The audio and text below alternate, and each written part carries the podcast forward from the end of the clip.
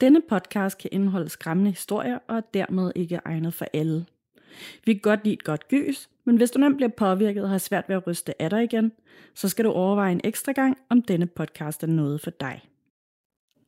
Du lytter til et afsnit af Gåsehud.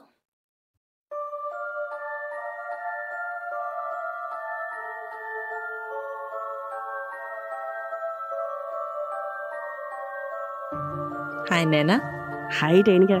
Og hej derude, og velkommen til episode 140, et øh, dejligt rundt tal. Ja, endelig. Det, de, på en eller anden måde, selvom vi optager næsten hver uge nu, så føles det som om, der går 100 år imellem. Ja, på en eller anden måde. Måske det også fordi, du har ude at rejse, jeg har ude at rejse, så har vi lige holdt en lille pause og sådan noget. Så, men nu rammer vi altså 140, og det føles på en eller anden måde som sådan en lille jubilæum. Ja, det gør det virkelig. Jeg elsker de runde tal. Og du er hjemme fra øh, Bali, Indonesien igen? Ja, det er jeg. Øhm, og det er første dag hjemme. Vi kom hjem i går, så jeg er stadig sådan helt rundt på gulvet af jetlag og indtryk og træt og stadig sådan lidt syg. Sådan generelt oh. lidt syg, ja. ja, så nåede I nogensinde ud på den der øh, tur? Nej, desværre. Det blev aldrig til noget, fordi at der hele tiden ligesom kom noget i vejen. Så øh, det er altså noget, vi må have til gode til øh, næste gang, og det er sådan, vi er mange, der har aftalt, at det skal bare ske næste gang. Ja. Jeg har til gengæld fået en hel masse tips og øh, nogle små historier om nogle af alle de væsener og myter, der bor på alle de forskellige øer. Så det tænker jeg faktisk, at øh, jeg vil fortælle om i næste afsnit. Ej, hvor spændende. Ej, det vil jeg glæde mig til. Så kan vi lære Indonesien meget bedre at kende på den front. Nemlig, det bliver rigtig, rigtig godt. Men jeg har til gengæld sådan lidt, øh, siden jeg er kommet hjem, jeg ved ikke, om det er en eller anden form for synforstyrrelse eller noget, men jeg føler hele tiden, jeg ser sådan, du ved, myg eller små tordenfluer ud af øjenkrogen, men når jeg vender hovedet, så er der ikke noget. Øhm, og øh, jeg tænker sådan, at jamen, det, er jo, det er jo nok ikke så underligt, hvis der er nogle små fluer eller et eller andet, der har flyttet ind i planterne, mens vi har været afsted eller et eller andet. Men altså, jeg, kan ikke, jeg ser dem ikke sådan flyve rundt, ellers jeg ser dem bare hele tiden ud af øjenkrogen. Det er virkelig underligt. Ja, det lyder virkelig mærkeligt.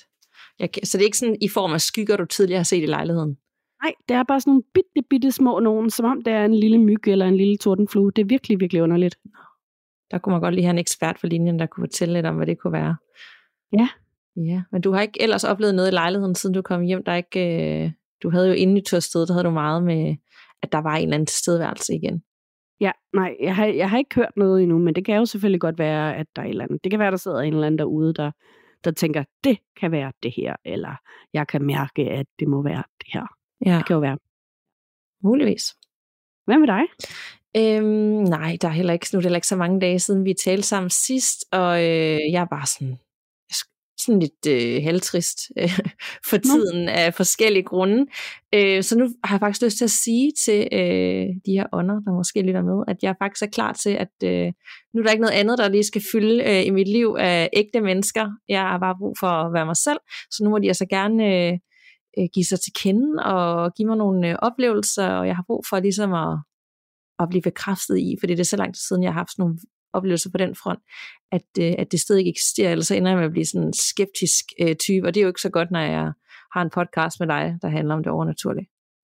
Nej, altså jeg kender virkelig godt den der følelse. Jeg har jo også været sådan helt på den der bølge af, at dykke ind i spiritualitet og øh, finde ud af endnu mere om horoskoper og krystaller og alle de der ting.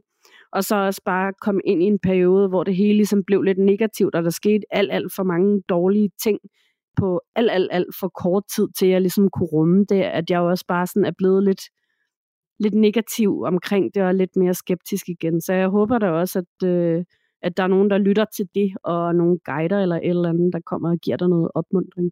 Ja, og når jeg siger, at jeg gerne vil besøge, så er det virkelig ikke på den uhyggelige, øh, jeg, jeg står i hjørnet og smiler til dig, når du sover. Øh, men, øh, men mere sådan, øh, jeg havde en oplevelse sidste år med noget blåt lys, der var vildt øh, smuk og fin, og jamen sådan små beskeder i løbet af dagen, eller dem, der får sådan en lille fjer flyvende, eller et eller andet sådan i en mild form, så det ikke er sådan noget scary noget, der gør, at jeg bare bliver bange. Det er jeg ikke interesseret i, men alle sådan gode, positive, åndelige oplevelser skal I endelig sende min retning, fordi jeg er så klar til at opleve og modtage, og jeg er også klar til en masse ghost hunts. Jeg er klar til det meste. Fedt. Altså nu tænker jeg, nu har du sagt det højt, så har du ligesom også manifesteret det, så håber jeg godt nok også, at det kommer. Ja, 100 procent. Og Hello Fresh er atter tilbage som vores faste sponsor, og øh, hvis du på nogen måde kunne tænke dig at give os noget kærlighed tilbage, og synes den her vanvittige rabatkode er god, så det er altså nu, du skal lytte godt efter. Fordi du skal nemlig blot gå ind på hellofresh.dk og benytte koden HELLO gåsehud med store bogstaver for at få op til 1.153 kroner i rabat på dine første fem måltidskasser. Og øh, det er en kæmpe besparelse i tider med stigende priser i supermarkeder, og så får du altså også fri fragt på første måltidskasse. Men øh, hvad nu, hvis du har været kunde hos HelloFresh tidligere og tænker, du måske gerne vil prøve det igen, jamen øh, så kan du sørge også bruge rabatkoden. Og det er win-win for alle parter. Så længe du for tre måneder siden eller længere tid siden har opsagt dit abonnement, og nu ønsker at, at spise en masse lækker mad igen. Og personligt så elsker jeg den øh, friske, lækre mad, og pizza så kører jeg i hvert fald rigtig meget vegetarretter. Nu sommeren nærmer sig, og jeg synes faktisk, at det er lidt nemmere at spise let og grønt og næringsrigt for den her årstid. Og øh, jeg dater ikke pt, men da jeg gjorde, så kunne sådan en HelloFresh-ret altså også imponere selv den mest skeptiske. Og et, øh, du vil jo ikke engang sige, at du har en måltidskasse, for du kan sagtens tage credit selv, det gjorde jeg, og det kunne virkelig imponere. Og så elsker jeg de penge, jeg sparer, og jeg har med til alle, og der er til rester, og det er altså bare ægte, ægte hverdagsglæde. Og nu ved jeg ikke, om du har det på samme måde, Nana er klar til at få HelloFresh igen efter ferien. Jamen det er jeg, og jeg elsker nemlig bare, at det er så nemt at spare mig for så meget tid. Fordi normalt så kan vi bruge oceaner af tid på at bestemme os for, hvad vi skal have til aftensmad og diskutere frem og tilbage. Og vi bruger alt, alt, alt for meget tid på at koordinere og handle ind, hvem der køber hvad. Men det slipper vi for, når vi får den her kasse fra Hello Fresh, så man kan ligesom bare slå hjernen fra, og man slipper for at tage alle de her beslutninger. Og øh, så er vi totalt vilde med det her store udvalg og de lækre, lækre opskrifter. Så nogle gange så ender vi faktisk med at bestille en portion eller to mere, fordi der er så mange gode, at vi ikke bare kan holde os til fire eller fem. Og nogle gange så bestiller vi også flere portioner, hvis vi ved, at vi får gæster i løbet af ugen. Så det er super fleksibelt og gør bare hverdagen så meget lettere. Hvis du også gerne vil gøre hverdagens madlavning lettere, så går du ind på hellofresh.dk og benytter koden Hello Gåsehud med store bogstaver for at få op til 1.153 kroner i rabat. Det er på dine første fem måltidskasser, og du får også fri fragt på den første kasse, hvis du endnu ikke har prøvet Hello Fresh.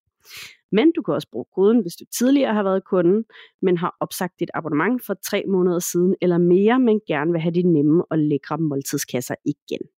Så øh, velbekomme og rigtig god fornøjelse. God fornøjelse. Ja. Men øh, er du klar til den første lytterberetning i dag? Det kan du tro, ja. Apropos afdøde kontakt, for vi har nemlig en med her fra Camilla, som handler om åndelig kontakt i drømmenes verden.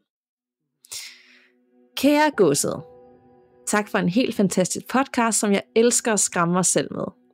I gør det simpelthen bare fantastisk godt begge to. Bliv endelig ved med det, og tak for det. Nu til min historie. Jeg er et særligt sensitivt menneske, som altid har kunnet fornemme stemninger i et rum, når jeg træder ind i det. Jeg har minder helt tilbage fra barndommen, hvor jeg hørte stemmer og så skygger, men jeg havde lært at fejre det hen med forklaring om, at det nok skyldes en lidt for livlig fantasi. Jeg begyndte til healing for et års tid siden for at få lidt mere ro i min krop, krop samt for at udvikle mine spirituelle evner. Efterhånden i forløbet begyndte jeg at modtage besøg fra min afdøde i mine drømme. Både folk, jeg havde mødt, men også folk, jeg aldrig nåede med. Her kommer derfor to historier om afdøde kontakt i min drømme. Min første historie handler om besøg fra min farfar. Jeg nåede desværre aldrig at møde ham, da han gik blot bort en måned før min fødsel. Dog har jeg ofte besøg af ham alligevel. Jeg har altid set mange billeder af ham igennem min barndom og hørt mange historier, så jeg har altid følt, at jeg har kendt ham. Jeg havde for et halvt års tid siden en meget speciel drøm om ham. Min far fortalte, at han efter min farfars død havde en drøm, hvor min far forsøgte at række ud efter min farfar, men dog røg hans hånd lige igennem ham. I min drøm befandt jeg mig på min gamle folkeskole, som tilfældigvis var min farfars gamle arbejdsplads.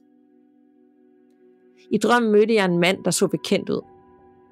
Han lignede min far og hans frødre, men da han snakkede, kunne jeg absolut ikke genkende stemmen. Jeg har aldrig hørt den stemme i liv. Jeg tog fat i hans skulder for at se, om jeg kunne mærke ham fysisk, og det kunne jeg. Han stod der og var lige så fysisk levende som et nu levende menneske. Jeg spurgte ham, er du min farfar? Og han svarede, ja det er jeg. Jeg elsker dig og alle de andre, og jeg passer på jer altid og hele tiden, mens en tårer løb for hans øje. Det var en vild oplevelse. Da jeg vågnede, skyndte jeg at ringe til min far for at fortælle om et besøg. Og jeg kunne fortælle helt detaljeret af hans stemme og hans mimik og hvordan det passede med ham, som jeg jo ellers ikke havde haft mulighed for at vide på forhånd. Min far grinede kærligt af min historie og bad mig ringe min farmor op. Det skal lige siges, at min farmor er en bundsolid nordvestjyde, som absolut ikke tror på sådan noget pjat. Dog blev hun rimelig overbevist om, at jeg har haft besøg fra farfar den nat. Nu videre til min næste historie. Min mormor døde dagen før min 7 års fødselsdag, og hun var min bedste ven. Derfor fyldte hendes død en hel del i mit liv, og jeg gik desværre ned med en depression i den periode. Jeg har altid følt mig tæt forbundet med hende, og ikke i tvivl om, hun altid er ved min side. Jeg har haft en masse forskellige drømme om hende. Blandt andet en, hvor vi står ved hendes gravsted, hvor hun med en bestemt tone beder mig sige til min morfar, husk at sige til Ola, at vi skal begrave samme sted. Fordi sådan har planen altid været, og det er sådan, det skal være. Jeg har også haft besøg af hende i en drøm, hvor hun blot ønskede at gøre opmærksom på, at det er hende, som står min døråbning i min lejlighed og holder øje med mig, når jeg laver mad. Blot for at tjekke, om nu også gjorde tingene korrekt. Jeg har altid følt en tilstedeværelse i netop den døråbning, så det var rart med en forklaring. En mere speciel drøm, jeg oplevede, var for et par måneder siden. Jeg drømte, jeg lå på hospitalet, og jeg var bange. Og jeg kunne pludselig kende stedet. Det var det hospice, jeg besøgte min mormor på kort tid før hun gik bort. Det var nærmest, som hun forsøgte mig at vise mig, hvordan hendes sidste tid havde været. Da jeg vågnede, løb jeg straks ud til min mor, og jeg kunne pludselig huske min mormors stuenummer, hvor hendes stue lå. Og jeg kunne også fortælle min mor, at selvom mormor var bange i starten, så blev hun afklaret med det hele og havde en meget fredfyldt død uden frygt. Jeg har altid haft meget angst omkring tanken at miske folk, jeg har nær, så derfor har det været beroligende oplevelse at vide, at vores elskede ikke forsvinder for os, når de går bort. Beklager lidt den lange historie, men jeg håber, det går an. Kærlige hilsner fra Camilla. Det gør det jo, det gør det jo altid med de der historier. Det er jo, vi elsker os både de lange og de korte.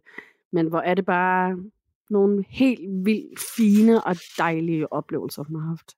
Virkelig. Og jeg synes også, det er meget det der med, at hun har taget ansvar for sit særlige sensitive sind og begyndt til healing og fået mere ro i kroppen og udviklet øh, uh, sine spirituelle evner. Altså det, der er jo mange folk, der ligesom vil bare acceptere det resten af livet, og det er endda måske noget, der præger den øh, negativt til tider, men her der har vi at gøre med en lytter, som faktisk har taget ansvar det og bruger det konstruktivt og får endnu mere ud af det, efter hun har arbejdet med det.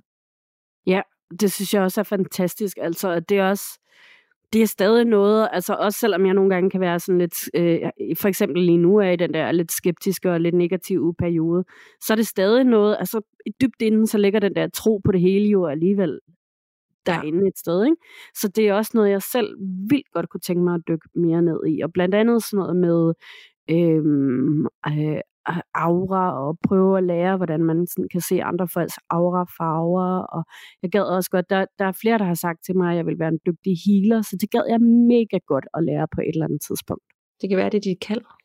Ja, det, kan, det ved man jo aldrig. Men, mm-hmm. men ja, det er, det er virkelig noget, der står på ønskelisten. Det synes jeg også er super fedt at gøre. Ja, generelt alt selvudvikling og lære sig selv bedre at kende og arbejde med de ting, øh, der kommer naturligt til en. Altså, det kan jo aldrig være en dårlig ting. Nej, det, det tænker jeg nemlig heller ikke. Man bliver altid klogere af det på en eller anden måde. Men det kan bare for sådan en som mig være lidt svært at gribe an, hvordan og hvor, hvornår, og øh, lige pludselig bliver det sådan en uddannelse øh, til 50.000 kroner, og så giver det mening. Det kan ja. godt virke sådan lidt uhåndgribeligt, hvordan jeg lige skal gribe det an, øh, og hvis det er noget, jeg vil gøre alvor ud af, eller det er sådan en hobby-ting. Øh, det jeg sådan har faktisk gjort på det seneste, det er begyndt faktisk at jeg drømmer jo rigtig meget, men jeg glemmer den lige så hurtigt igen. Øh, og så skriver den ned, for det er, man får så mange budskaber, på det lytteren siger her, øh, om det er, fordi man møder nogen, eller bare sådan i forhold til, hvad, hvad er det rigtige at gøre i livet? For det ved jeg ikke. Ja, ja. Så øh, drømme og drømmetidning og få skrevet det ned, lige så snart du vågner, fordi de forsvinder fem minutter efter, så kan jeg ikke huske noget. Det er en kæmpe hjælp i mit liv. Jamen, det er det helt sikkert. Jeg skal også have, for jeg har endda den her drømme dagbog, hvor man ligesom også kan skrive sådan, hvad er det, der sker i ens liv ved siden af, så man kan sammenkoble tingene. Mm. Og jeg skal, jeg skal simpelthen bare have fundet den frem, tror jeg, lige så snart vi er færdige med at optage, og så lægge den ved siden af min seng, sådan, så jeg kan bruge den hver dag. Fordi det er simpelthen en genial idé. Det er nemlig. Nå, men jeg er klar til endnu en, øh, en spændende lytopretning. Dejligt. Jeg har nemlig en rigtig fin en her, også fra en navnesøster, Nana. Hej gåsehud. Jeg er ikke en specielt god fortæller, men det må I lige bære over med. Jeg er 15 år, og jeg har en oplevelse, som jeg gerne vil dele med jer. Jeg har altid troet på ånder og engle osv. Det her skete, da jeg var helt lille, omkring 5-6 år gammel. Jeg sad inde på min mors og fars soveværelse og så en af mine yndlingsfilm, da jeg begyndte at høre en masse puslen fra det ene hjørne i værelset. Jeg fik en følelse af, at jeg ikke var alene, men jeg tænkte ikke mere over det, og så bare videre på filmen. Dagen efter sad jeg på min forældres værelse igen og så film. Det gjorde jeg rigtig meget i den periode, da jeg pludselig kunne høre den samme puslen fra det samme hjørne igen. Det skete hver dag i et par uger, og hver nat lige inden jeg vågnede, drømte jeg, at jeg gik op ad min mormors trappe og faldt lige så stille og roligt og langsomt som en fjer ned ad hendes trappe, og lige inden jeg ramte gulvet, vågnede jeg. Det var ret beroligende og afslappende, men det var alligevel en lidt uhyggelig drøm, for min mormor døde, da jeg var fem år. Efter et par uger med den samme drøm og den samme pusling i hjørnet, begyndte jeg at gå mig rigtig meget på, og jeg blev bange for at være derinde. Så en dag gik jeg ud af værelset, og jeg sagde det til min mor, som så sagde til mig, at der ikke var noget at være bange for. Så jeg gik ind og så videre på min film. Men efter en times tid blev puslen henne fra hjørnet højere og højere. Og jeg rejste mig op fra sengen og kiggede over mod hjørnet. Der så jeg en gammel dame. Hun havde helt gråt hår, der var sat op i en knold, og hun havde en lang blodrød kjole på. Jeg stod og kiggede rigtig meget på hende, men lige pludselig sprang hun ud efter mig, ligesom om hun ville fange mig, så jeg sprang baglands og skyndte mig ud til min mor. Hun gik med mig ind på værelset. Og inden man kommer ind på værelset, er der en anden dør. Vi gik ind ad den dør, og så spurgte min mor mig, er der nogen her? Og jeg svarede, nej. Så gik vi ind gennem den næste dør, og ind på værelset, og så spurgte min mor mig igen, er der nogen her? Og jeg svarede, ja der. Og så pegede jeg over mod damen, imens jeg krammede min mor, fordi jeg var bange. Min mor kunne godt mærke det samme som mig. Altså at vi ikke var alene, men hun kunne ikke se damen. Men hun sagde så til den gamle dame en blodrøde kjole. Du skal gå væk nu, for du skræmmer min datter, og det skal du ikke. Så du er ikke velkommen her. Og så var damen væk, og jeg så hende aldrig igen. Jeg har også oplevet for to år siden, det var den 31. oktober, så det var Halloween. Der var der en figur af et ansigt, jeg havde lavet, som stod på en reol, som væltede, selvom der ikke var nogen i nærheden, der kunne vælte den. Og til jul væltede en engel, der også stod på den samme reol, flere gange i løbet af julen. Flere gange siden det skete, har jeg også oplevet, at ting som legetøjsmad er blevet kastet efter mig, når jeg går ind på et værelse, som er min forældres gamle værelse, og faktisk det værelse, som jeg så den gamle dame i. Det var lidt af mine oplevelser, og jeg håber, I kan bruge det til noget. Mange hilsner fra Nana. Vild beretning for Nana. Hvor gammel var hun, da hun oplevede det her med den blodrøde dame? Det var omkring en 4-5 år gammel, skriver hun, eller 5-6 år gammel. Det lyder som noget taget af en, øh, en film. Ja, det gør det ikke også? Altså først så tænkte jeg, hmm, kunne det være hendes, øh, hendes mormor, siden hun også havde den der drøm om, at hun gik mor op ad mormorens trappe og ligesom faldt stille og roligt som en fjer ned. Øhm, men, men det der med, at hun så springer ud efter hende, ligesom om hun prøver at fange hende, det er jo mega klamt. Ja, eller så det er sådan i den alder, hvor man har svært ved ligesom at, at det ikke nødvendigvis negativt, at det er bare, læg nu mærke til mig, at jeg ved dig det godt, og så kan det sådan fremstå nærmest skræmmende. Ja, det kan det jo godt, altså, og der er også et eller andet med, at, øh, at små børn, babyer og småbørn i det hele taget godt nogle gange kan være sådan lidt bange for ældre mennesker, og det har noget at gøre med øh, genkendelighed, at øh, ældre menneskers ansigter tit og ofte ser øh, anderledes ud, jo fordi de er lidt mere hårde og lidt mere rynkede og alt sådan noget. Så, så nogle gange så kan børn også godt lidt misforstå øh, ældres sådan, mm. øh, ja. Det tror jeg, du ret i. Kultur og sådan noget, ja, ja. Det kan jo være, det var det. Men jeg så også tænkte, den er blodrøde farve, det havde sådan en symbolsk betydning, eller det var Altså, hvis man skal tænke sådan i farver, og hvordan det er kommet til udtryk, og det er det, hun sådan ligesom husker så mange år efter, om der har været et eller andet. Ja, det er det, ikke? Det er jo også et interessant ordvalg, blodrød. Det er ikke bare sådan en tomatrød, eller en knaldrød, eller noget. Det er en blodrød kjole, ikke? Ja. Så jeg kan godt forsætte mig ind i, at i den alder der, der har det været altså, død uhyggeligt at skulle se og opleve, og man er løbet væk og ikke har haft lyst til at opleve det mere overhovedet. Helt sikkert, ja. Puha. Ja. Er du klar til endnu en? Det kan du, tror jeg. Og det er fra Line, og handler blandt andet om uh, The Smiling Man. Mm-hmm. Hej godset. Jeg har netop lige fundet frem til jeres podcast, og jeg elsker det. Jeg har fra helt lille oplevet ting, jeg ikke har kunne forklare, og det er stadig noget, der forekommer i ny og næ. Det her det bliver en længere historie, som jeg håber, I er frisk på at høre, så her får I min beretning. Historie 1. Mit første møde. Den første episode skete, da jeg ikke var mere end tre år gammel. Dog er det ikke noget, jeg selv kan huske, men min mor kan i den grad. Det var en helt almindelig dag, og jeg legede for mig selv inde på mit værelse. Pludselig kommer jeg løbende ind til min mor i stuen og fortæller, at manden inde på mit værelse snakker til mig. Min mor bliver forskrækket og går ind for at tjekke efter, men der er intet at se. Der går ikke mange dage efter dette, hvor hun står ude i køkkenet og vasker op. Vores håndvask er placeret sådan, at man står med ryggen ud til gangen. Min mor er alene hjemme, men nok ikke så alene, som hun har troet. For der går ikke længe, før der kommer fodtrin ude fra gangen. Det skal siges, at det ikke er første gang, det sker, og nu er hun på sin grænse til, at det ikke er sjov længere. Hun vender sig om og udbryder. Nu kan det fandme være nok. Du skal ikke være her i min lejlighed. Du må sgu gå ind til naboen og drille den i stedet. Og siden da har der intet været. Historie 2. En besked fra den anden side. Der går nogle år, før jeg faktisk oplever noget igen. Den her gang var det mere en fornemmelse, så viste sig var rigtigt. Jeg overnattede hos min far. Det var nemlig hans tur til at have mig, og vi var lige kommet hjem efter en længere køretur. Det var ved at være sent, og skoledagen ventede på sig dagen efter. Jeg fik børstet tænder og blev smidt i seng. Men der går ikke længe før en mærkelig følelse af noget er galt breder sig i min krop. Jeg ligger inde i min køjeseng, og en lille tot af mit hår bliver taget fat i og holdt op i luften. Der går nogle sekunder, og der bliver givet slip, og håret falder ned på min hovedhud igen. Redslen kommer op i mig, og jeg skriger efter min far, der kommer løbende. Jeg fortæller ham, hvad der er sket, og siger så, mit marsvin er dødt. Dagen efter bliver jeg hentet af min mor, og lige inden vi træder ind i lejligheden, siger hun, der er noget, hun skal fortælle. Hun får ikke sagt meget mere, og jeg løber ind på mit værelse, og ganske rigtigt ligger mit marsvin helt stivnet i bunden af bordet.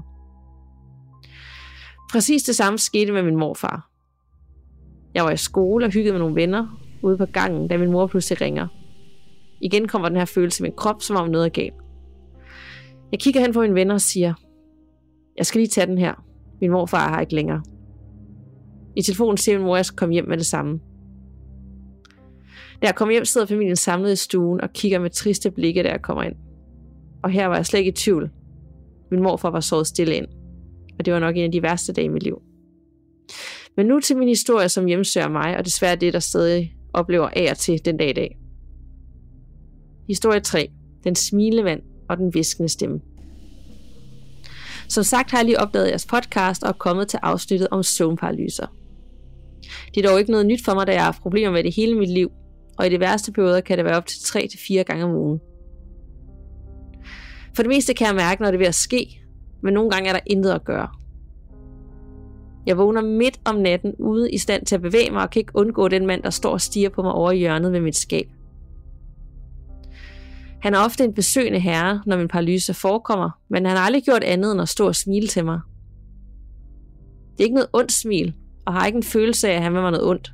Han vil bare gerne lige se hej en gang imellem. Og for at gøre det mindre ubehageligt for mig selv, har jeg valgt at give ham navnet Mads. Så går det hele bare lidt nemmere, også nu hvor det sker så ofte for mig. Desværre er det ikke bare kun det, jeg oplever med min paralyser. For kort tid siden er der en anden, der har valgt at udvælge mig som offer, og hun er en del mere udfordrende at have på besøg, især for min nattesøvn. Det starter som en hver anden paralyse, men her er der hverken en person eller skygge. Til gengæld er der fodtrin, der løber fra stuen ind til mit soveværelse og stopper lige ved min seng. Mit hjerte galopperer, og lige når fodtrinene stopper, er der en lille pigestemme, der visker. Hej, jeg ved godt, du ved, jeg er her. Og kort efter kan jeg igen bevæge mig. Jeg har for det sidste lagt mærke til, når jeg tjekker uret efter episoderne, at klokken hver gang er omkring, omkring 3. Jeg kan fortælle, at hun også optræder min drømme, og jeg har snakket med en, men det kan I høre en anden gang, hvis I er interesseret i flere af mine historier. Også historien om den hængte mand. Tak for jeres podcast, og bliv endelig ved med det, I gør. Med venlig hilsen, Line. Yes, vi vil altid gerne høre mere, så det vil vi glæde os til. Men øh, Gud var... Altså, jeg er glad for, at hun selv har besluttet sig for, at den her smilende mand i søvnparalysen hen i hjørnet, at han ikke er ond, øh, men og at han hedder Mads, og mm. det synes jeg jo er mega fedt, fordi alle, jeg nogensinde har kendt, og det er alligevel en del, der hedder Mads, de har faktisk været super rare, så det er sådan et godt navn, det er et rart navn. Rigtig stabil, øhm, stabil, ja, god fyr. Lige præcis. Mads er god. Øhm, men det lyder alligevel super creepy. Ja, jeg, jeg tænkte nemlig på den der film, The Smiling den har jeg ikke set. Har du set den? Ja, der har jeg været inde i biografen og set den, og jeg, jeg mener, at den er på, øh, hvad er det nu, den hedder, Sky, et eller andet øh, streamingtjeneste lige nu. Og altså, jeg kan sagtens anbefale den. Den er mega creepy. Okay. Ja, for jeg har ikke set den nu, og der, jeg kan ikke lige finde ud af, om der tænker jeg, det er lidt mere ondsindet end, end i det her tilfælde. Jeg fik bare den her vibe, så der var står sådan en mand, så tit i hjørnet bare smiler, og hvor sødt og rar han nu kan være, så er det da stadig uhyggeligt, når hun ikke kan bevæge sig. Ja, nemlig, og at man ikke har nogen kontrol over det. Altså, og det er også ligesom de der velmenende spøgelser, der nogensinde nogle gange kommer, men som alligevel skræmmer os, fordi at vi ikke rigtig sådan er forberedt på det, eller det der med, at de rører ved os, og det er ikke lige så rart, når man mm. ikke rigtig er forberedt på, at der er et eller andet, der rører ved en. Øhm, så selvom det er velmenende, kan det jo godt være mega ulækkert alligevel. 100 procent. Det, det, ja, og så tænker jeg også en anden oplevelse hvor hun har fået besøg af en ny, men det er ikke i form af en person eller skygge, men de der fodtrin, der bare løber fra stuen ind til soveværelset, stopper lige ved sengen, og så taler til hende, hvor hun kan ikke se noget. Jeg tror faktisk næsten, jamen det er værre. Det kan jeg godt sætte mig ind i. Helt sikkert. Det, det synes jeg også er, er rigtig uhyggeligt. Det der med, at man ligesom kan fornemme og høre noget, der kommer tættere og tættere på. Ja, og ikke bare sådan, nu er der noget, der går langsomt. Nej, det er noget, der sådan spurter, løber, som det skal ja. fange hende, ikke? Ja, præcis ad, det er øhm, uhyggeligt. Så vi vil meget gerne høre mere, fordi hun skriver også, at, øh, at hun optræder i drømmene, og, og hun har snakket med hende, hvad, hvordan og hvorledes, også fordi det er jo søvnparalyser, og mange ser de samme ting, men noget forestiller man sig, noget er måske rigtigt. Jeg vil i hvert fald bare gerne høre mere og prøve at forstå, hvad det er, der sker øh, i Lines øh, drømme, og når hun sover. Samme her, samme her. Og den der med øh, historien om den hængte mand, det var også lidt en cliffhanger. Den vil Meget også cliffhanger. Det, det, ja. det endelig fortæl mere. Mm. Men nu skal vi jo til en, øh, en lidt længere beretning. Er det ikke rigtigt, Nana? Jo, det skal vi nemlig, fordi vi har været så super heldige, at uh, Dorte fra Fortællinger i Mørket podcasten, hun har nemlig sendt os en lydfil med nogle uh, ting, hun har oplevet. Så uh, læn jer godt tilbage og lyt med her. Hej Pia, det er Dorte fra Fortællinger i Mørket. Jeg tænkte, at jeg lige vil dele nogle af mine personlige oplevelser med jer og med jeres lyttere. Og øh, jeg har den her hobby, som jeg deler med min mand. Vi tager ud på noget, der hedder geocaching. Der er garanteret nogen af lytterne, eller en af jer to, der måske kender til den her øh, fritidssyssel, hvor man kommer rigtig meget ud at gå og opleve en masse forskellige steder og ting og en fed, øh, fed hobby at have, specielt sådan sammen, fordi man kommer ud og ser en masse ting, som man ellers ikke vil se. Geocaching, det er sådan set en, øh, en moderne skattejagt. Men øh, vi var ude ved sådan et naturcenter ude omkring Heil Hede og kommer ud og gå øh, i sådan en gammel plantage af en art. Og øh, en af de her caches, som vi skulle ud og finde, øh, fører os hen til sådan ude midt i heden. Øh, jeg bor i Midtjylland. Der er næsten kun hede, mere eller mindre. Men det var sådan et kæmpe, kæmpe område med, med hede og de her meget specifikke træer og sådan noget, der er på heden. Og øh, imellem alt det her, der finder vi sådan ligesom tre bagtasten med en kæmpe sten ovenpå. Og cashen foregik omkring det her sted, som viste sig at være en grav. Det var to brødre, som har haft den her plantage, som så var blevet, øh, deres sidste ønske var at blive begravet brændt, og, og så blev deres urner få sat ned under de her sten ude på den her plantage, som de har boet og arbejdet på hele deres liv.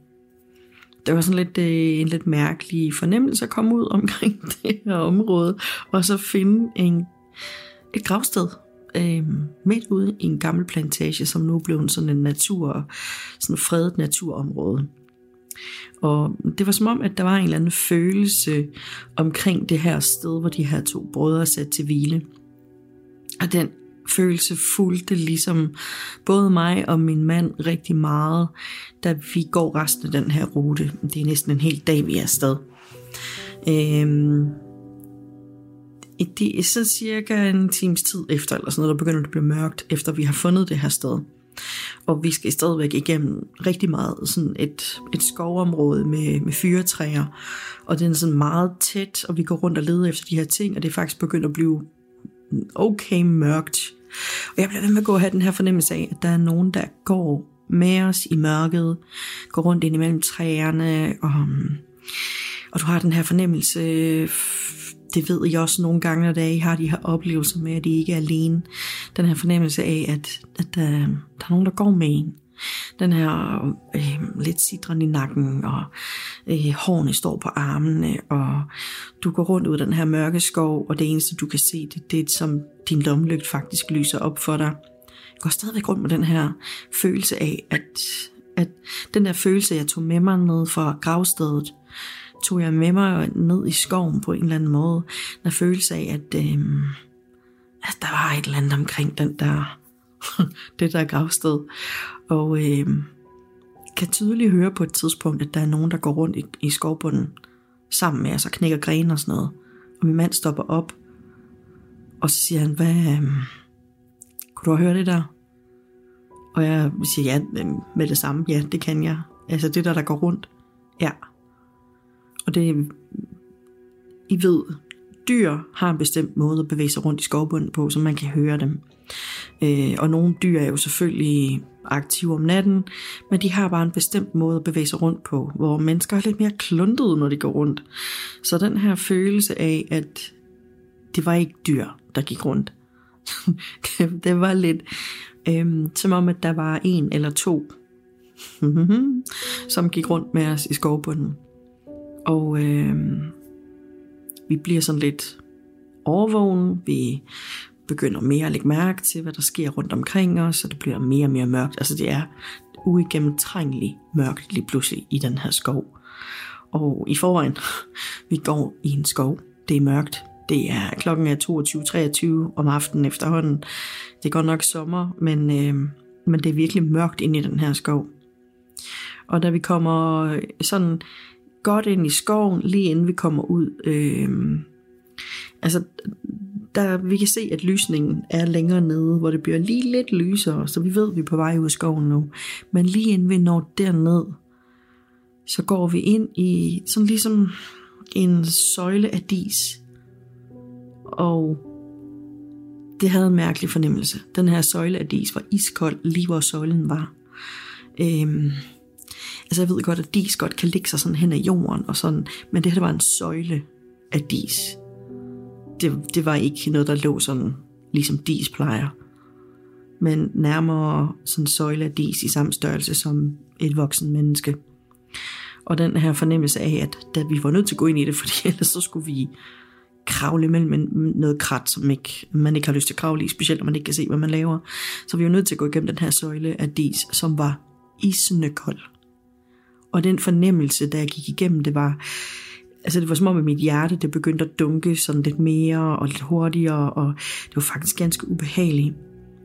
Men jeg får sådan ligesom en fornemmelse, da jeg går igennem disen, at øh, ligesom tak fordi, at, I, at jeg måtte gå med jer.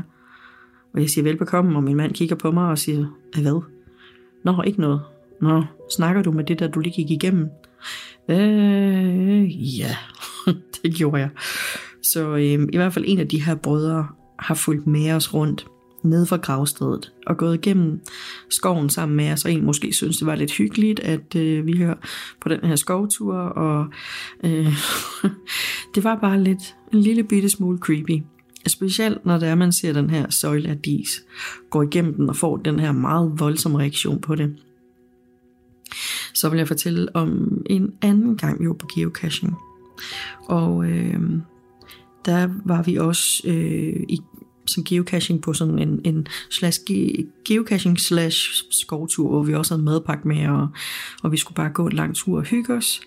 Og øh, der har vi også været afsted sådan, så godt som næsten hele eftermiddagen, og, og det bliver aften, og det bliver mørkt, og øh, der havde jeg faktisk lige hørt et afsnit øh, med Two Girls, One Ghost, øh, den amerikanske podcast, som har fået sat mig i gang med at lave podcast. Øhm, jeg har lige hørt, at de lavede et afsnit om cryptids, altså om de her kryptider, jeg ved ikke om det er det, man kalder det på dansk, men, men de her lidt mærkelige væsen, som man ikke rigtig kan sige, hvad er egentlig, når det kommer til stykket. Og øhm, vi kommer gående i den her skov, det er blevet mørkt, og på et tidspunkt, der er vi nede omkring sådan en, en hytte, øh, sådan en bålhytte, og øh, jeg kan sådan mærke, at der er noget i nærheden af os, der er noget, der kommer med. Og jeg tænkte, at altså, siger til Kim, jeg kan mærke et eller andet, og han tror ikke rigtigt på det, og alligevel tror han lidt på det, fordi han kan jo se nogle gange, at der sker nogle ting, som man ikke kan forklare. Og han siger, at det passer sådan set også meget godt med, at vi bare skal ud nu. Og det gik faktisk hen og blev sådan helt mørkt, da vi går dernede fra og, og skal ud af, hvad det hedder, den her skov. Vi går tilbage den vej, vi er kommet fra, og um, over hovedet på os, der er sådan en allé af, altså ligesom en skov, sådan en sti, ikke? Så så den her allé af træer rundt om den her skovsti. Og da vi kommer forbi den her hytte, der begynder der en, en hule, en ule, og, og ligesom at, at hyle. Øhm, den følger os fra træ til træ, som vi går ned ad den her sti. Så den flyver, og du kan høre den sådan flapper med vingerne, sætter sig et nyt træ og bliver ved med sådan noget. Uh, uh. Og jeg elsker uler. Jeg synes, de er mega seje, og jeg synes, de er... Øh, der er bare et eller andet over dem. Og de er jo også mega savnomspundne. Om, altså, i, i Spanien mener jeg, det er, der er de mega bange for dem, fordi at de er død og ødelæggelse og alt muligt. Men jeg har altid set ulen som et ekstremt øh, klogt væsen, og ikke noget, jeg har været bange for. Men der var en, det var som om den be, alligevel bebudet et eller andet lige der. Og den blev ved med at følge os, sådan som om, kom nu ud i skoven, skynd jer nu, kom nu afsted med jer. Og vi kommer lige inden vi kommer ud af lysningen, øh, der hvor vi sådan kan se, at der er lys bagved, så kommer der en skygge gående hen over vejen. Øh, I meget, altså sådan meget, meget høj skikkelse. Og det var som om, at, at man kunne se, at den var hvid, øh, men imod det der lys, der var nede ved, hvor vores bil holdt, øh, der var det sådan en sort skygge, og den var ekstrem høj. Altså som, jeg ved, der er nogen, der forklarer de her skyggefolk, at de er ekstrem høje, sådan næsten må bukke hovedet øh, under loftet, fordi de er så høje. Og det var den her ekstrem spinkel, virkelig høj. Og vi stopper sådan op, og mit hjerte begynder bare at banke helt vildt, og den der ule, den flyver væk, som om at den også har oplevet, at der er et eller andet, der er uhyggeligt, og den skal væk herfra. Og jeg, jeg får sådan en helt skidt nu, hvor jeg sidder og fortæller det også. Øhm, min mand siger, at det var bare, øh, det var dyr. Er, som går på to ben, eller hvad? Altså, jeg, jeg kan slet ikke forestille mig øh, foran mig, hvordan øh, en, øh, et dårdyr, eller sådan et eller andet, skulle gå på to ben. Og det var sådan virkelig, virkelig lange lemmer, altså sådan virkelig lange ben, sådan lange arme. Øh, det var virkelig mærkeligt. Og det var sådan lige om, omkring, at jeg havde hørt det her cryptid. Øh, så det var sådan lidt en oplevelse, jeg, jeg egentlig ikke havde haft lyst til at få, som jeg så fik alligevel, og nu har jeg oplevet det. Øh, men føj. Bare føj. Så vil jeg lige her til sidst fortælle om en live, jeg havde på kirkegården klokken 2 om natten.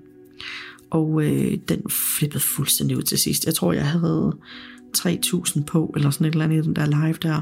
Og øh, de gik fuldstændig mok. Jeg kunne ikke engang følge med i, i chatten. Men der skete æderhug mig også meget på den tur, på den her kirkegård. Øhm, der skete det, at jeg starter liven op, går rundt, og folk begynder at komme på og stille mig spørgsmål omkring de døde. Jeg kan mærke, at der kommer... Øh, der begynder at komme, altså samle sig nogen omkring mig af afdøde, og øhm, prøve at kommunikere med nogle af dem, men, men de var sådan mere interesserede i bare at se, hvad der skete. De var ikke interesserede i at kommunikere. Og folk begynder sådan, ej, der er en skygge, ej, der er en skygge der, jeg kan se en der, og prøve på at følge med alle de steder, hvor folk siger, at de kan se noget.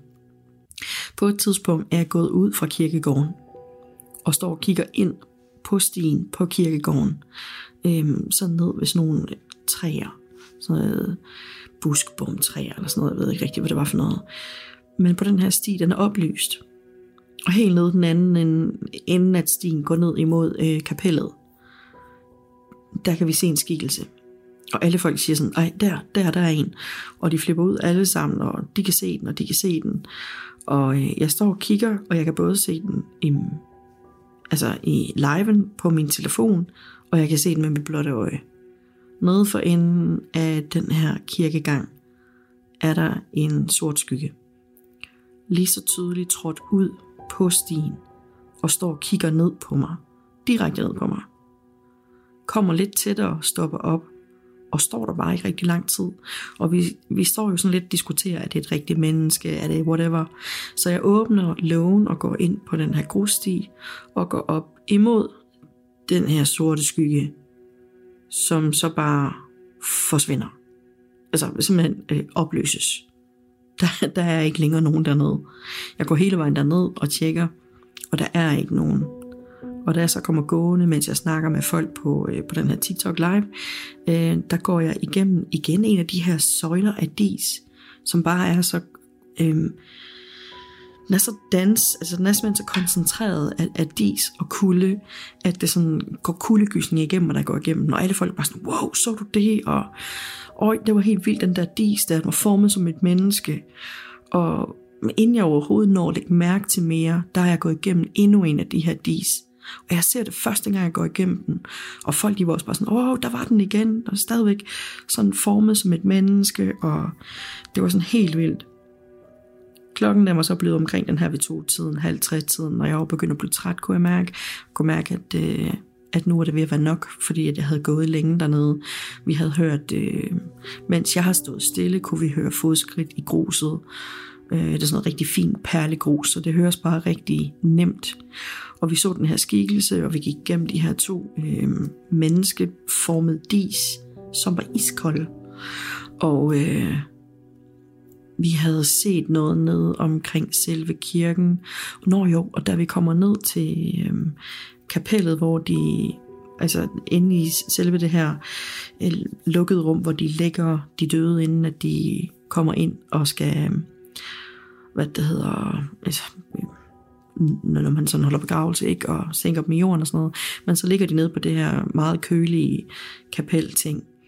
Og da vi kommer derned, og der har jeg været nede forbi før, øhm, da jeg var dernede sidst, der var der helt mørkt dernede.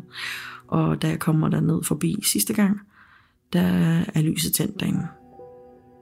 Og der er ikke nogen dernede. Men hvorfor skulle de også være der klokken halv tre om natten?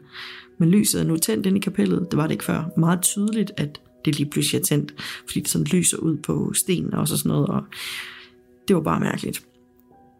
Jeg går tilbage, og vi går ned. Øh, jeg siger farvel, eller jeg siger, at nu går vi fra kirkegården og farvel til dem, der har været der. Tak fordi I sådan øh, var med. Altså ikke til seerne, men, men til de afdøde. Og tak fordi I ligesom ville deltage, og det var jeg glad for. Så går jeg ned på den vej, jeg bor, og lige når man kommer ind, så på venstre side, øh, på den her vej, hvor jeg bor, der er der det her spøgelseshus. Og... Øh, vi kommer derhen, og jeg siger, hey, her til jer, der kender podcasten, så er det spøgelsehuset, jeg nogle gange har nævnt, og nu kan vi lige stå og kigge på det.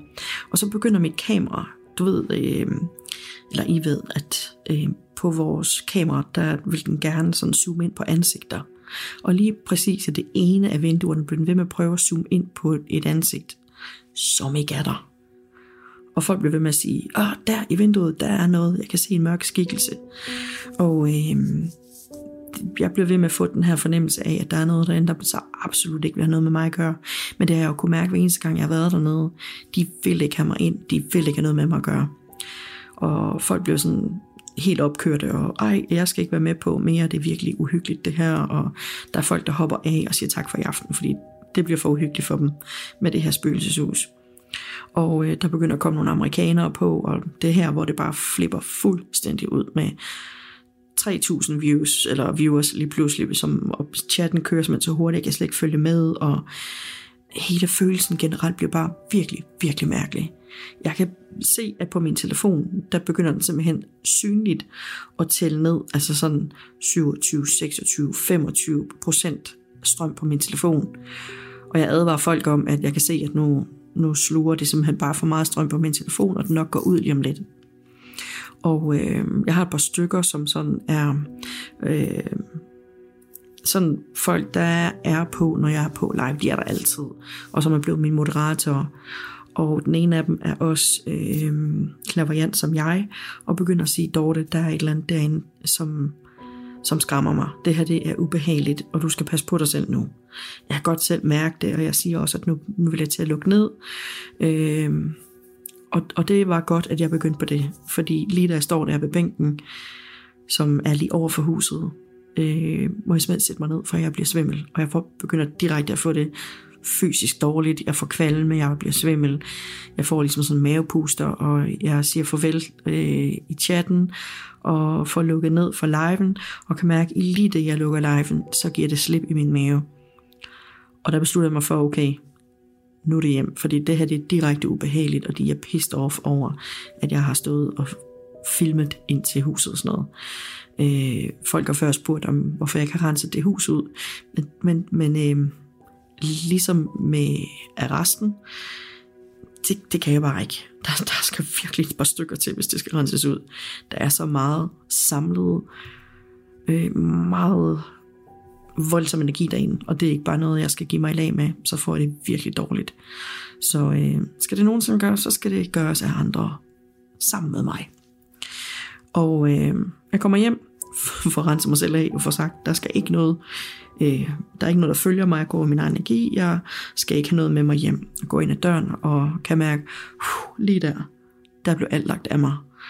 Der kunne jeg have det godt igen. Jeg hjertebanken stoppede, den her knude i maven var fuldstændig væk, og jeg var mig selv igen. Så det var, øh, det var noget af en live på TikTok. Det skal prøves igen. Måske bare ikke op ved huset, jeg ved det ikke lige helt. Og angående øh, Jørgen Arrest, som vi snakkede om, ja, vi skal derhen igen, og vi glæder os til det, og vi skal også op på loftet, og vi skal også i kælderen, og tak for øh, fortællingen, Allan, det var virkelig hyggeligt, at du lige fortalte om det, og øh, håber I kunne lide mine fortællinger, og håber I kan bruge det til noget. Kan I have det rigtig godt derude, tusind tak for en rigtig fed podcast, som jeg elsker at høre. Godt det var simpelthen øh, tre øh, virkelig gode fortællinger fra øh, Dorte, og jeg elsker at øh, lytte til Dorte og øh, høre alle hendes ting. Hun laver jo øh, også en podcast om uhyggelige ting, øh, men øh, et andet format, end vi gør, fordi hun nemlig også tit tager øh, ud og oplever ting på, øh, på forskellige steder. Øh, og der laver hun jo så tit de her øh, Facebook- eller TikTok-live, som hun også fortæller om. Og det her, hun fortæller om i den første historie med, med geocaching, det var ikke, egentlig ikke et begreb, jeg kendte, men øh, jeg kan forstå, at jeg googlede også lidt på det bagefter, og fandt ud af, at det er sådan, altså lidt ligesom sådan en, en skattejagt, man bruger GPS på. Øh, og det synes jeg bare er et sindssygt fedt øh, koncept. Ikke? Men øh, det her med, at de så fandt øh, de to brødres gravsteder ude på den her hede, som er det fredede naturområde, det minder mig lidt om en historie, vi havde for et stykke tid siden, og jeg mener faktisk, det var dig, der fortalte om den, med, øh, med nogen, som fandt øh, nogle gravsten i et vandløb ude i en skov. Gud, ja. Det er da rigtigt. Jo, jo, hvor de var sådan ind tilfældigt. Det var en eller anden skoletur eller et eller andet, hvor der så de der gravsten, øh, de pludselig poppede op af vandet, og de var sådan, det var der, hvor de nærmest var sådan var de faret vild, eller på en eller anden måde, og så var der nogen, der ligesom de observerede den ude fra kanten af skoven og sådan noget, og så blev de vildt bange og løb væk. Det kan jeg godt huske. Så det minder mig faktisk også lidt om det. Ja, det er det, ikke? Altså, nu blev der jo ikke sagt noget om noget vandløb her, men jeg tænkte faktisk at vide, om det er det samme sted. Det er jo ikke sikkert, at det er det, men det kan jo være, at det også var, øh, var nogen, der havde en særlig tilknytning til det sted i det vandløb, øh, som også bare øh, er blevet begravet der. Det kan jo være, det er derfor. Men øh, rimelig klamt, at øh, Dorte og hendes mand øh, begyndte at føle sig overvåget, og rimelig sejt af dem også, at de ligesom turde fortsætte den her tur i den mørke skov. Virkelig. De er så, de er så seje. Altid, når Dorte fortæller, at så de der oplevelser, de er så next level, og det var jo også hende, der var til stede øh, i den beretning, vi havde for par afsnit øh, siden, hvor Allan sendte ind med, med resten, Nemlig. og de oplevelser, det havde der. Så det er som om, og det er jo også fordi, de opsøger det, og de er super gode til at finde de der helt unikke steder, hvor der er en masse historie knyttet til, og, øh, og arbejder med det, at, at vi faktisk får lov at, øh, at videreformidle de her sindssyge overnaturlige oplevelser i godset. Nemlig, og det synes jeg simpelthen bare er så fedt. Altså, og nu, nu har Dorte også været så sød at sige, at vi meget gerne må komme med øh, ud på en tur sammen med hende øh, på et tidspunkt. Og Mia har også sagt, at hun skide gerne vil have os med et andet sted hen. Og vi har også selv snakket om, at vi skal ud nogle steder sammen med Frederik og opleve noget. Så øh, jeg tænker altså, at det her det bliver året, øh, hvor at vi kommer ud og oplever en hel masse. Det bliver ja. altså fantastisk. Det, det, det skal vi. Altså, vi, har, vi to har ikke været opleve noget på den måde, siden vi var i Lille Mølle, som er to år siden. Ja, det er det. Hvis ikke det efterhånden er tre år, altså jeg kan stadig holde styr på det mere. Men det var sådan lige, altså det må faktisk være tre år her til sommer. Nej, det holder det jo ikke. Lige... Nej, det gør det jo slet ikke. Altså, nu, nu er stedet med os. Jeg vil ja. bare gerne tilbage i den mølle, fordi jeg synes, det var så vild øh, en oplevelse, vi havde der, hvor jeg sådan tænkte, der skete så meget på så kort tid. Jeg gad godt vide, nu ved jeg slet ikke, den er åben for offentligheden sted, stadigvæk, men om, om det samme vil være tilfældet, hvis vi mødte op igen. Jamen, det, det synes jeg faktisk, at vi skal lave en stående aftale om, at øh, vi finder en dato, og så tager vi derud igen øh, den her sommer. Ja, og hvis I derude, der lytter med, øh, bor i nærheden af København, eller skal til København, så er Lille Mølle jo det her sted på Christianshavn, som jeg kan ikke huske, så mange år det går tilbage, men der har boet nogle et par igennem mange år, som siges at gå igen. Og det var det, vi især mærkede til, da vi var der en, vi var der en lille team. Der var en vild stemning. Øh, man blev svimmel, kvalme døre, smækket. Der var, bare, der var bare rigtig mange ting, der var mærkelige i det, det, i det sted. Ja, også bare de der kæmpe skift, der ligesom var i stemning og i luft og atmosfære, der ligesom var i de forskellige rum og etager og sådan noget. Ja, det var sindssygt spændende. Ja, og, og hende guiden, som havde en connection til familien, eller var en del af familien selv, ikke? Var hun ikke det? Jo, det var noget med, at den var gået i arv, ligesom i familien, hun, ja. Hun, hun svarede jo så også, fordi vi havde jo tusind spørgsmål til det, og hun var sådan, ja, ja, det, nu gider de ikke have besøg mere, så derfor så gør de de her ting, for ligesom at sige tak for i dag, nu må I godt gå hjem. Altså det, hun var ikke i tvivl om, og havde oplevet det tusindvis af gange, at det var det, der skete. Men det ja, var bare en del af det. Ja. så øh. Ja, det var sindssygt fedt. Sindssygt fedt. Og, øh, og også lige en reminder, altså hvis I gerne vil se den her video fra øh, den her live, som øh, Dorte har lavet fra kirkegården øh, og fra spøgelseshuset på sin egen vej, så ligger den inde i øh, gruppen på Facebook, som hedder Gruppen for Fortællinger i Mørket podcast, og øh, I kan også finde den på øh, TikTok, og der hedder Dorte også bare Fortællinger i Mørket. Så øh, gå endelig ind og meld jer ind i hendes gruppe og følg hende på TikTok, så kommer der masser af mere underholdning til jer. Jeg synes, det er så fedt, at hun har hun laver de der lives også med TikTok, for det er meget amerikansk normalt. Det er ikke noget, vi gør så meget i Danmark, men det giver bare en helt anden dimension, end når man blot fortæller det. Nemlig, altså jeg har også en drøm om, at vi på et eller andet tidspunkt, når vi måske en dag får nogle penge ud af det her, og kan bruge noget mere tid på det, at vi så også bliver rigtig, rigtig gode til at lave TikToks. Ja, det, jeg ved ikke, om jeg er for gammel til det, men uh, vi kan da prøve. Ja. jeg føler mig for gammel til det, men uh, man skal aldrig se aldrig. Nemlig. Ja. Nemlig. Så øh, kom vi igennem fire igen, meget forskellige, meget uhyggelige, meget livsbekræftende, fantastiske lytterberetninger, som altid send løs, hvad end du har hørt det fra nogen, selv har oplevet noget til gåsede podcast, gmail.com, gåsede med to af jer, og så, øh, så når vi til det og fordeler det med alle de her dejlige lytter. Vi har Facebook-gruppen, Øh, der er godt gang i hver eneste dag. Den lever af sig selv. Den må du simpelthen ikke gå glip af. Og det er bare ud podcast, du skal søge på ind på Facebook. Vi har også Instagram-side. Og som altid, skriv lige en lille anmeldelse, eller giv en bunke stjerne, hvor inden du lytter med. Det er øh, vi er meget, meget glade for, og endelig også gør brug af de rabatkoder, vi skaffer til jer, for det er en af de måder, vi kan fortsætte på, det er ved, at øh, I gør brug af de tips, vi deler. Nemlig, og det gør os bare rigtig, rigtig glade helt ind i hjertet. Det gør det nemlig. Så øh, tusind tak for snakken, Nana. I lige måde. Vi lyttes ved, og pas på derude. Man ved jo aldrig, hvad der venter bag den næste dør.